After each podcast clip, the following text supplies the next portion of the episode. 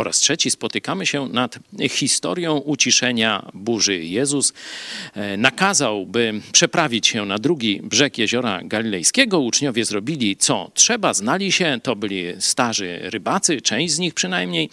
E, on sobie poszedł spać, a tu burza, a tu sztorm.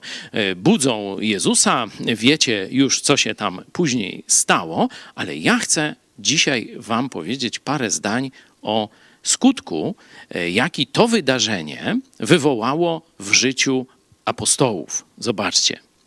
I zdjął, 41 werset z czwartego rozdziału Ewangelii Marka czytam. I zdjął ich strach wielki.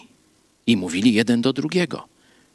Kim więc jest ten, że i wiatr, i morze są mu posłuszne?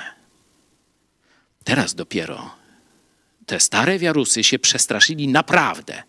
Wcześniej już ogarnął ich strach, bojaźń o życie i tak dalej, ale dopiero teraz mają mokro w porach. Dlaczego? Bo zrozumieli, że Jezus nie jest tylko człowiekiem, nie jest tylko ich przewodnikiem, nauczycielem.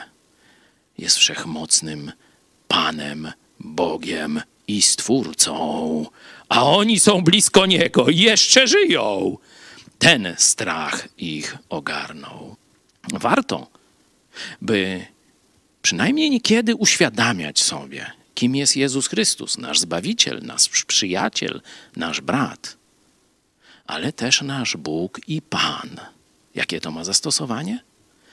Jeśli Bóg i Pan mówi coś do ciebie w swoim słowie, to powinieneś to szybko i bez dyskusji wykonywać, bo to mówi Pan i Bóg wszechświata, a nie twój koleżka czy tylko dobry doradca. Niech ten przykład sparaliżowanych strachem apostołów, który, do których dotarło, kim jest Jezus, będzie dla nas przypomnieniem, kiedy będziemy myśleć, będziemy kuszeni, by zlekceważyć słowa Jezusa